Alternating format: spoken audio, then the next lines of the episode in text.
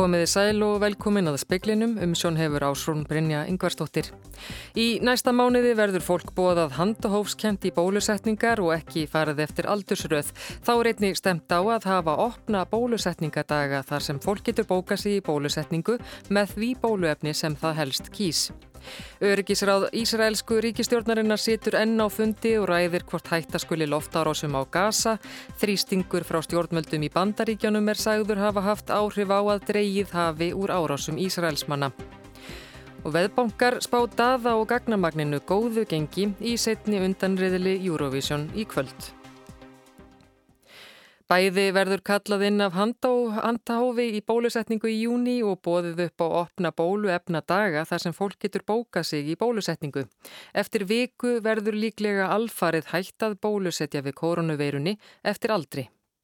Umbósmaður Alþingis hefur óskæfti svörum sóttvarnalæknis við því hvort þeir sem er í forgangi við bólusetningu en vilja ekki bóluefni sem þeim er bóðið þurfa að býð eftir því að þeim verði bóðið upp á opna tíma í bólusetningu eða hvort er verði í forgangi fyrir annað bólefni en það sem þeir hafa hafnað. Þórólu Guðnarsson er sóttvarnanleiknir. Fólk sem er í forgangi með undirlíkjandi hérna, sjúkdóm og ef það má ekki, ef það er bóðað í bólus, bólusetningu með bólefni sem það má ekki fá samkvæmt læknisráði þá er hægt að breytum, þá getur læknirinn og heilsugæslan breytum og, og fólk verða bóðað inn í annað bólefni. Ef að fólk er ekki neitt í sérstaklega áhættu að fá ákveðu bólefni en ákveðu sjálf að hafna uh, ákveðinu bólefni þá verður það að býða eftir svona kvöldum opnum dögum. Hvenan verða þeir? Það er ekki búið alveg ákveðu og þeir verða vonandi fljótlega bara í júni mánuði. Óskar Reykdalsson, fórstjóri hilsugjæslu höfuborgarsvæðisins, segir að ekki hafa verið endalega ákveðið hvernig fyrirkomulag opina daga verði. Ja, þá erum við að bólusetja fólk þar sem að fólk hefur ekki fengið í sjálfu sér búið og við reiknum með að einhver aðferð fyrir að vera til að skipulegja það vel. Það er gæti farið svo til dæmis eins og við vinnum að að fólk geti bara bóka sig í þá bólusetningu. Í júni er einnir áðgert að hætta að bólusetja eftir aldri og hefja í staðin handahófskenda bólusetningu. Ekki hefur verið ákveði endalega hvernig það verður gert en ákveðnar hugmyndir eru komnar fram. Þegar að tekki er tilífrið að kjent úrtak það hópa saman í kannski þúsund manna hópa og síðan kallaðir inn hópanir. Eftir því þá getur orðið 100 eða 150 hópar sem við kallum inn og þá bara veljum við hópunum 1, 2 og 3 kannski þannan daginn. Þetta var Óskar Reykdalsson, Kristín Sigurðardóttir talaði við hann og Þórólf Guðnason. Öryggisráði Ísraelsku ríkistjórnarinnar situr nú á fundi þar sem rætt er hvort hættaskuli loftárásum á gasasvæðið. Fjölmiðlar í Ísrael segja að Hamas-samtökin sem stýra gasa hafi ekki fallist á neinskilriði en líbanska dagblæðið Al-Akbar segist hafa heimild fyrir því að Hamas hafi fallist á vopnallíja frá föstudagsmorni. Þrýstingur frá stjórnmöldum í bandaríkjónum hafi orðið til þess að Ísraels menn hafi ákveðið að láta af árásum. Gílat Erdan sendi herra Ísraels í bandaríkjanum og hjá saminuðu þjóðunum gekk af fundi allsæriráðs saminuðu þjóðuna í dag þegar Ríad Al-Maliki utanríkisráð þeirra palestínsku heimastjórnarinnar sakaði Ísraelsmennum stríðsklæpi í Palestínu og að myrða með vilja sofandi börn á gasasvæðinu. Raunnið sem rann þétt upp að eistri varnargarðinum sem á að spórna gegn því að raun renni inn í naflausadalinn og til sjávar verðist hafa kólnað aðeins eftir því sem liðið hefur á daginn. Mikil gufa ríkur upp af rauninu í rigningunni sem þar er núna. Hörn Hrapstóttir verkfræðingur hjá verki segir að eins og er sé allt með sæmilega kjörum kjörum. Raunnið hefur ekki farið yfir brún eistri varnargarðsins. Hins vegar hefur raunnið síið í áttað vestari varnarvegnum. Gerður var neyðar ruðningur á milli varnarvegjana svo að betri tími gæfist til að stækka vestari varnarvegin. Hann er nú orðin um 8 metra hár í miðjunni og vonir standa til að hann verði allur orðin 8 metra hár í kvöld. Húsleit var gerð á skrifstofum umhverfisar á þeirra Brasilíu í gæðir samkamt skipun hæstaréttar landsins. Ricardo Ricardo Salís, umhverfisar á þeirra, er sagaður um að eiga aðild að ólögulegum viðskiptum með timbur úr rekskóum Amazon. Tíu starfsmunum ráðunitisins var vikið frá störfum vegna málsins þegar á meðal Eduardo Bím yfir manni náttúruverndar stopnunar Brasilju í Bama. Í ráþeratíð Salís hefur skóarhögg í Amazon aukist verulega og saka náttúruverndar sinnar hann um að leggja náttúruverndar á allenir landsins í rúst. Brasilískir fjölmiðlar segja lauruglu hafa leitað á heimili hans í São Paulo. Auk þess var leitað á skrifstofum umhverfis ráðunitisins í höfuðborginni Brasilia, São Paulo og í fylkinu Para. Lauruglan fekk einnig aðgangað bankareikningum Salís. Hæstiréttur heimilaði rannsóknina vegna grunnsum að Íbama hafi heimilað útflutninga á timbri afturvirkt til síðustu tveggja ára. Þúsundir sendinga á timbri úr regnskóum Brasilíu fórur landi á þessum tíma í trássi við brasilískar reglugerðir. Yfirvöld í bandaríkinum og Evrópu lögðu halda á nokkrar sendingar. Salís segir ekkert hæft í þessum ásökunum og ekkert með þessu móti hafi gerst hjá Íbama. Róbert Jóhansson sagði frá. Snjall dyrasímar með myndbands og hljóðu upptöku búnaði auka og tókstreitu milli öryggiskeslu og fríðhelgi engalifsins. Þetta segir Helga Þóristóttir Forstjóri Personuverndar. Snjall dyrasímar njóta aukina vinsælda á Íslandi. Þeir eru þó ekki aðeins dyrasímar heldur er mögulegt að taka upp bæði hljóð og mynd með þeim. Upptökubúnaðurinn er tengdur öðrum snjalltækjum og þannig er mögulegt að vakta stöðugt allar mannaferðir við heimili fólks. Margir fagna aukinni öryggiskeslu, aðrir telja þessa þróun vera ókn við frelsi í samfélaginu. Þetta er eins og maður segir stór mikil breyting á því að gera samfélög að eftirlit samfélögum þar sem að í rauninni er verið að fara lengra og lengra og nær friðhelgi engalífs. Segir forstjóri persónuvendar. Hún telur gríðar mörg, siðferðis, laga og personu vendarleg álitamál koma upp vegna nótkunnar slíkra tækja. Þar sé mögulega stærsta spurningin hversu langt megi ganga í rafrætni vöktun einstaklinga. Töluvert hefur borið á því hérlendis að fólk deili slíkum gögnum á nágranna hópum á samfélagsmiðlum. Ef þetta eru mjög lillir hópar og það er verið að deila einan lítilla hópa uh, svona upplýsingum að þá mögulega fellur þetta undan gildisins lagana.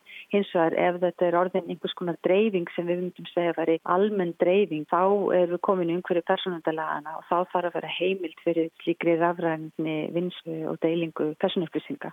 Almennt hvetur personuvernd fólk til að huga vel af því hverju það velur að deila úr slíkum tækjum og að leita til lögureglu varandi mál sem henni ber að sinna. Ólufrún Erlendstóttir meistaranemi í blada á fréttamennsku tók saman. Á tíunda tímanum í kvöld liggur fyrir hvort daði og gagnamagnið kemst upp úr síðari undanriðlinum í Eurovision. Sviss og Búlgaríu sem er í sama riðli er spáð góðu gengi í keppninni. We've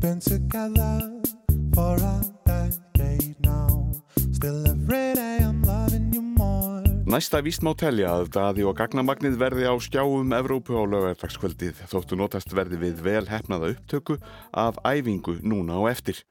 Þau daði og árni verða í sérstöku grænu herbergi á hótelinu sín í kvöld þaðan sem þau fylgjast með keppninni og Evrópa með viðbröðum þeirra. Mestar líkur eru taldar á að svistendingar eða Bulgaria komist áfram í kvöld en bæði lönd bjóð upp á kröftugar ballöður. Veðbankar telja líkur þeirra á að komast áfram mjög miklar en fimm lönd hafa yfir 90% líkur á að komast áfram. Þeirra á meðal er finska roksveitin Blind Channel og því verulega líkur á að nafn Finnlands verði lesið upp í kvöld. Heldur líklega þykir að danirnir í fyr og flamme hveðji sviðið í kvöld en veðbankar telja minn en helmingslíkur á að þeir komist áfram. Ef takam á marka á veðböngum eru gríkir, portugalir, serbar, albanir og austuríkismenn auk San Marino líkleg til að komast áfram í úslitt í kvöld. Hvernig sem allt velkist má búast við góðri skemmtun, miklum ljósasýningum, vindvélum og eldglæringum í kvöld. Útsending frá keppninni hefst klukka 19 og búist er við að endanleg úslitt líki fyrir snemma á tíundatímanum. Markus Þórhalsson tók þennan pistil saman.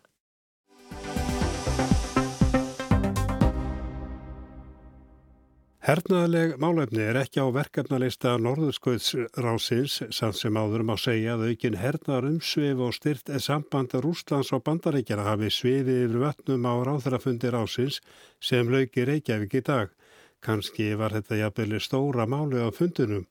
Albert Jónsson, fyrirvændi sendiherra og sérfræðingur í erlendu málöfnum, segir áhugavert hvernig Sergei Lavrov, utanengisráður á Rúslands, tók á þessum málum og að það hafi ekki komið á óvart. Það sem hann er að, er að ræða er að verði aftur komið á uh, formlegu samráði um hernaðarlega málefni á Norðurslóðum sem var til staðar eh, var árlegt samráð yfir manna herja Norðskvæðsríkjana, ráðsríkjana en var lagt niður í kjölfar Úkranudeilunar að frungaði NATO. Það var bara partur af refsi aðgerðum gegn rúsum, það var, var lagt niður í miskona hernaða samstarf og samráð við rúsa og þetta var partur af þeim aðgerðum. Það sem hann er að fara fram á er að þetta verði endurreist Það er áhugavert, annars vegar sko hann tekur þetta upp í segir hann í, í morgun, í kvöldverðinum þeirra í gæðir á þeirra, svo aftur á fundunum í morgun og nú er, prinsipið hefur verið það að það sé ekki verið að ræða hernaðlega málefni á vettvangir ásins, hann gerir það til þess en tekur jáfnframt skýrt fram að meiningin sé ekki að breyta þessu, þessu eðli rásins, hann sé ekki að byggja um neitt nýtt heldur einfallega að það verði endur reist það sem var áður. Af hverju eru þeir að leggja svona mikla áherslu á þetta núna? Jú, þeir hafa verið síðustu vikur og mánuð já, missiri, að kvarta yfir eh, auknum umsefum bandaríkjana og eftir atvikum eh, annara NATO-ríkja, fyrst og fremst bandaríkjana, nálagt uh, norðvestur Úslandi getum við sagt. Norðanverðu Noregshafi og Barentshafi. Þannig að, að eðli mál sangkvæmt eru það sem sagt, eins og rússarnir sjá það eru bandarækjamenn, eh, bandarækja her í sók, rússar í vörn og þess vegna er eðlilegt að rússar þeir sá aðli sem vil fara að fá þetta samráð aftur í gang og þá er þeir konið með formlega vettan til að kvart yfir þessu og ræða þetta. Nú hinn er auðvitað skiljanlega líka að gefa þetta ekki því að, að menn höf ekki til og, og gera meira átt á tilslaganinn nema við fáum eitthvað í staðin og það lág ekki fyrir hvað þau fengi í staðin og það er ekki þessar, þetta var lagt niður og partur af, af aðgerðin gegn Úslandi í kjölfar herrnámskrímar og svo framvegis og það var ekki breyst í því þannig að mann svöruð honum ekki sko En ég tók samt eftir að bandaríkja maðurinn, hann sagði í sinni ræðu að vissulega er, er það sem hann segja að ennsku strategic competition eða hernaðileg samkeppni, hann fór ekki út í það nálar á norðurslóðum og sem tekið er eftir hann og það þannig. Þannig að þetta, þetta var áhugavert, ekki, ekki óvænt og jáfnframt sagði Lavrov að, að rúsa myndu á formensku tíð sinni næstu tvö ár halda áfram að reyna að koma þessu samráðsvettangi aftur í gang. Þetta er áhugavert. En hversuna segir þú að bandarækjumenni séu sókn, það er ekki rúsa sem er að ja, ja, pyrra þá NATO nei, og bandarækjum? Nei, hagsmunni rúsa eru í, í grundvallar atriðum. Þeir hafa aukið umsug sín, þeir eru að gera ákvæmna ráðstafanir en í grundvallar atriðum eru hagsmunni rúsa þeir söm og þeir hafa verið í ára tugi á norðurslóðum og uh, lúta fyrst og fremst að kjarnorkuhernum, það er, er halda út í svo kallum eldflögakapátum í, í Barentshafi, ekki mörgum en, en nokkrum. Og í þeim eru, eru eldflöga með kjarnarhæðslu og þetta er svona ríkjastikki í, í rúslandska kjarnorkuhernum og hann tengist auðvitað frá þeirra bæjatinu séu tilvistar hagsmunum Rúslands og stöðu í heiminum og, og svo framvegs. Þannig mjög angt um, um örgi þessa, þessa kjarnorkuhers Og eh, öðrulegi er náttúrulega Rúsland eins og Lavrov var líka benda á þessum blagamannafendi á Moskvu eh, með eh, feikilega mikið landsvæði, lang, lang stærsta norðurslóðaríki og efnahagsleg þýðing þess fyrir Rúsland og framtíð Rúslands og alla hagþróun og áallanir þeirra verður senkt vannmetinn. Þannig að þannig eru, þetta er allt búið að vera til staðar, áratugi og sem í Rúsland segja margar aldir og allt það. En bandaríkinn hafa, hagsmunni bandaríkjana, hernaðri hagsmunni, þeir hafa þróast með ákveðnum hætti sem dregur þá í, lengra í norður að segja má. Í fyrsta lagi norðurfloti Rúslands sem hefur aðsettur á Kólaskaga, hann er miklu, miklu minni heldur en sovjerski forverjum var og fer enn minkandi í rauninni miða við þann sovjerska og eiga tiltöla mjög fáa, eftir nokkur ár tiltöla mjög fáa, munir eiga tiltöla mjög fáa kabáta sem geta sótt eh, að tapna sig út hafinu hverfandi fá herskip sem að geta það og þannig að, áhersla rússan er öll meira að minna á varnir heimahafa og nærsvæða þeirra þar sem þessir eldflóða kappátar eru og, og þessi stóru hagsmunir þeirra. Og þetta er ekki um það deilt sko meðal sérfræðinga og leginni þjónusta bandaríkska flótans er alveg inn á því að megin hlutur norður flótans er að verja kjartnorkuherinn að því leiti sem hann er í norðurhöfum og síðan þetta stóra landsvæði og fullveldi Rúslands á þessu feikna stóra landsvæði. Þannig það er ekki, það er ekki umdelt það sem að bandaríkir er að gera af því að norðurflótin hefur, er, er svona miklu minni og kemur eiginlega ekki mjög mikið lengur út á Allandshaf að þá þarf að fara í norður til þess að komast í tæri við rúsnesk herskip og kapáta og flugvilar í æfingaskinni, afla upplýsinga og eins til að undistrykka getu og fælingar stefnu gangvart Úslandi og í öðru lagi eru rússar að byrja á að norðurflótin þar að með að taka í notkum miklu langdragari stýriflöðarinn áður sem að valda því eftir einhver ár að þeir muni geta nátt til skotmarka í, í Evrópu frá heimahöfum þess vegna og eins í Norður Ameríku, í Kanada og Bandaríkjónum og frá bara hvaða læfa að úr Norður Ísafi. Þannig að þetta allt kallar á, eh, eins og ég sagði, dregur Bandaríkja hér í Norður. En eh, normenn hafa miklar ágjur eh, vegna eins og þeir líta á málu meiri þrýstingi frá sovjetmönnum og Lavró gaggrinir það harkalega að þeir sé að hleypa já, NATO bandarækjumönnum inn á norðurskauts svæði í raun og veru. Já, já, inn í norður Noreg, já, með þeim hætti sem þeir hafa ekki gert áður. Nú líkur fyrir samkómula millir uh, Noregs og Bandaríkjanum að Bandaríkjanum munu byggja flugskíli og herrflugvelli í norður Noregi fyrir kapataleitarflugvilar. Þeir munu hafa elsnýttiskeima, leggja elsnýttiskerfi, umtalsverð framkvæmt og, uh, og auðvitað til maksum að þeir ætla auka verulega flug, kapataleitarflugvila út úr norður Noregi og þá væntalega inn í norður Noregshaf og Barentshaf og, um, og eins er búið að uh, leifa aðgang fyrir bandaríska og reyndar uh, frá öðru NATO-ríkjum líka uh, kjarnoknuna kappáta í höfn nálagt Tromsö þannig að þetta að láta rúsar pyrra sig og, eh, og benda eins og Lavrov gerði í morgun á blagamannafundinu. Þetta er í nágræni við Rúsland og hann sæði nú ekki svo líki nágræni við kjarnarku herin okkar, það vorum ekki út í þá salma, en þetta er sem sagt svona, struktúr málsins og, eh, og þess vegna er mjög eðlilegt að finnst mér að eðli málsins samkvæmt að, að, að Lavrov sé að gera þessa tillögu um að endurvekja þetta fólklega samráð. Það gefur honum rúsum vettvang til að kvarta og eða hvað það er vilja að gera þessum, þessum efnum. Norðmennisver eru þetta í, í já, flókinni stöðum en þeir eru allan mjög nálagt Rúslandi og þessum rúsnes, stóru rúsnesku hagsmunum og uh, vilja heldur ekki vera einir í, í nágrunni þetta, þannig að Þeir eru hafa haft líka í áratvíi notabene eh, stefnu sem snýst annarsvegar um að taka þátt í fælingunni með öðru NATO-ríkjum, Gaggort, Rúslandi og áður Sovjetríkjónum en líka vera með það sem þið kalla, kalla einsku reassurance, það er að segja líka fullvisa rúsa um að það verði komingin, standengin ógn frá Noregi að þessum rúslandsku hagsmunum. En þetta er svona línudans sem normum hefur verið í langa, langan tíma. Lára komi kannski í hálf skringilega yfirlýsingu um að norðurslóður væru í raun og veru þeirra yfir á það svæði á einhvern hátt. Getur við sagt, já, ef við tengjum það og að það sé hægt við auknum já, hernar umsöðum á norðurslóðum og bara taka Ísland inn í það að umsöðun er að aukast hér? Já, sko, ég las ná þetta sem hann saði á þessum bladamannafundi, útskriftin af því og hann hefði mátt tala aðeins skýra, það sem hann er að segja greinilega og bara fellur að öðrum hlutum, er að menn mega, hann fekk sko spurningu á bladamannafundi með utanrikiðsáður að Sierra Leone um norðurslóðir.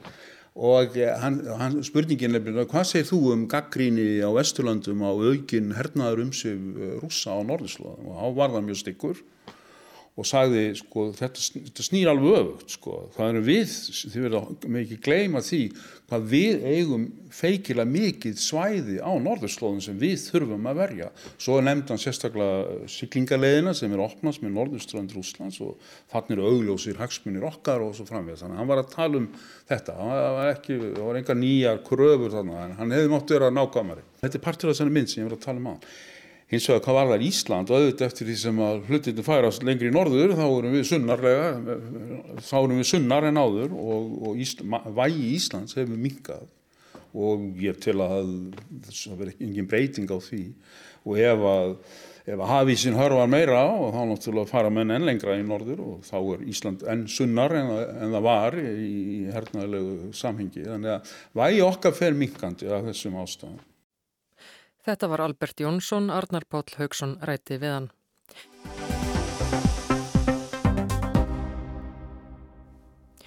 Annað hvort þarf að skilgreina upp á nýtt hugmyndur um norræna samstöðu eða leggja meira í hana að mati Píu Hansson, forstöðumanns alþjóðamálastofnunar. Norrænu ríkin hafi yfkað samvinnu á vissum stigum en ekki, samst en ekki samstöðu í viðbröðum við heimsfaraldrinum. Landamærum Danmerkur var lokað nú í háteginu og norðmenn hafa lokað landinu fyrir ferðamönnum sem koma frá löndum utan Norðurlandana. Ríkistjóðn Íslands kemur saman klukkan eitt til að ræða aðgerðir nágrannaríkja. Þessi gamla frétt vekur ekki upp ánægulegar minningar. Þetta var í hátægisfréttum lögadaginn 14. mars í fyrra þegar að COVID voru skollið á vesturlöndum af fullum þunga.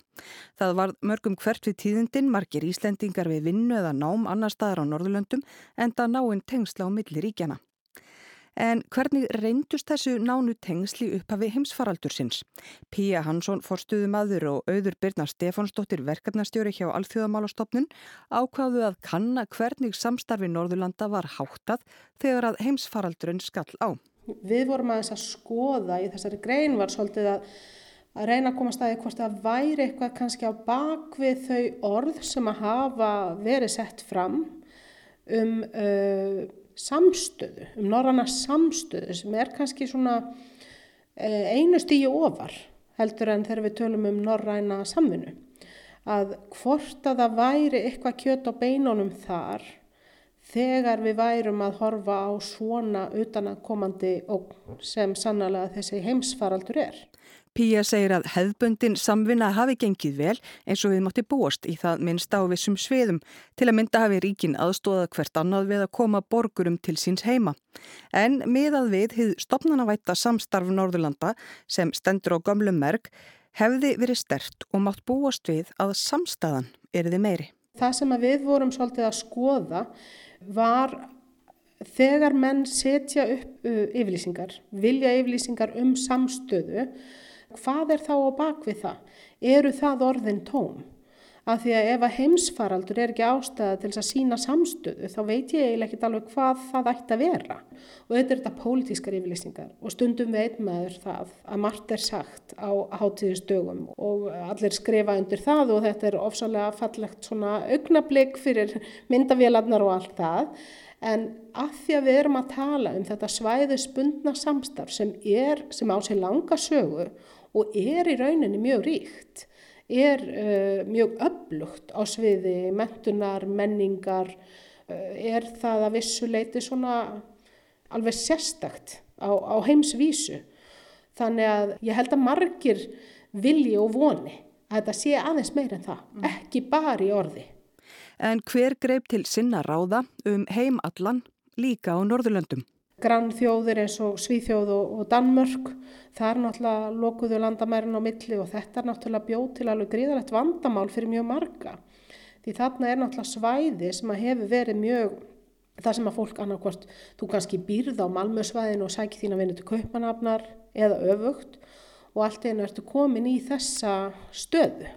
Ég held að þetta hafi rifjað upp líka fyrir mörgum það vandamál sem kom upp 2015 þegar við vorum að sjá mikið að flóttamannum koma yfir Evrópu og, og þar voru líka teknar þessar einhliða ákvarðanir um að loka landamærum.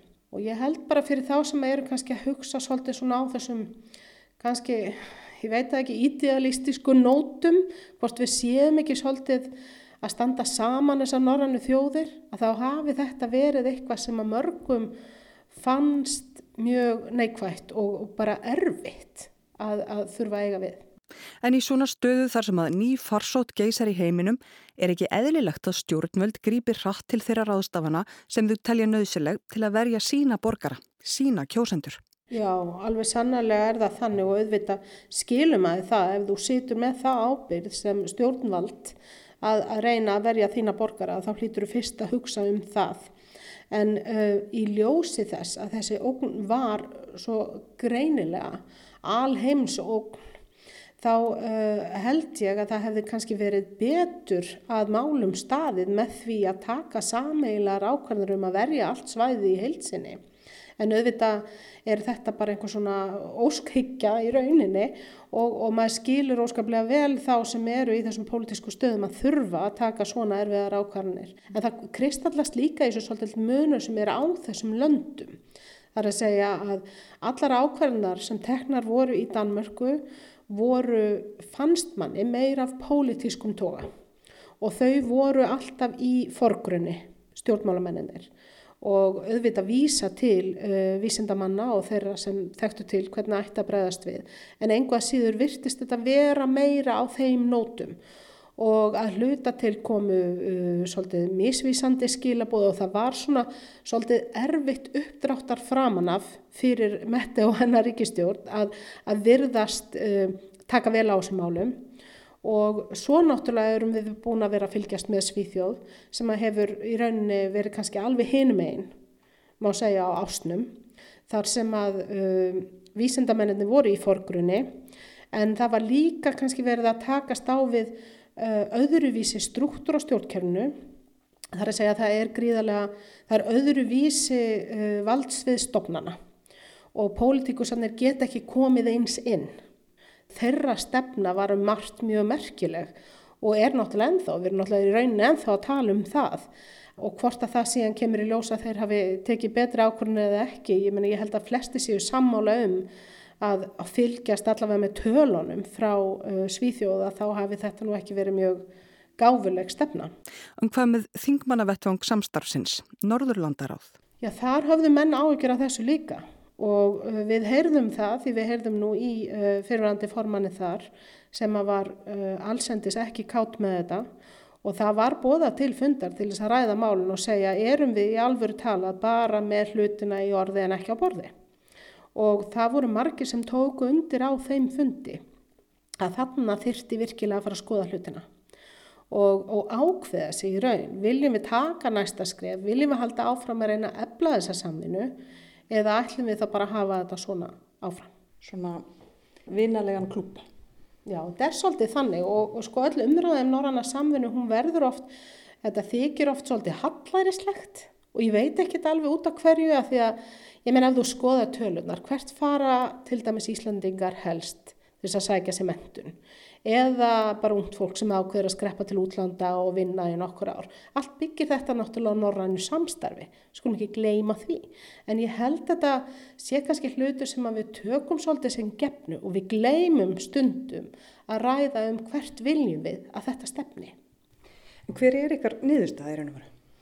Niðurstaðan er í rauninni svo að það þurfi annarkvort að skilgreina upp á nýtt hvað menn eiga við þegar þeir tala um norræna samstöðu eða að leggja þá aðeins meir í þetta og segja, já, næst ætlum við, við ætlum þá að taka á þessu sameigila. En auðvelt er það náttúrulega ekki. Sagði Píi Hansson, forstuðumadur Alþjóðamálastofnunar, Ragnhildur Torlasíus talaði við hana. Veður norðlega eða breytileg átt 3-10 metrar á sekundu og bjart veður en skúrir sunnanlands, víða létt skíjað á morgun en skíjað með köplum og stöku skúrir eða jél um landið austanvert. Hiti 1-10 steg yfir daginn mildast suðvestan til en all víða næturfrost. Og það var helst í speiklinum að í næsta mánuði verður fólk bóðað handahófskent í bólusetningar og ekki farið eftir aldursröð.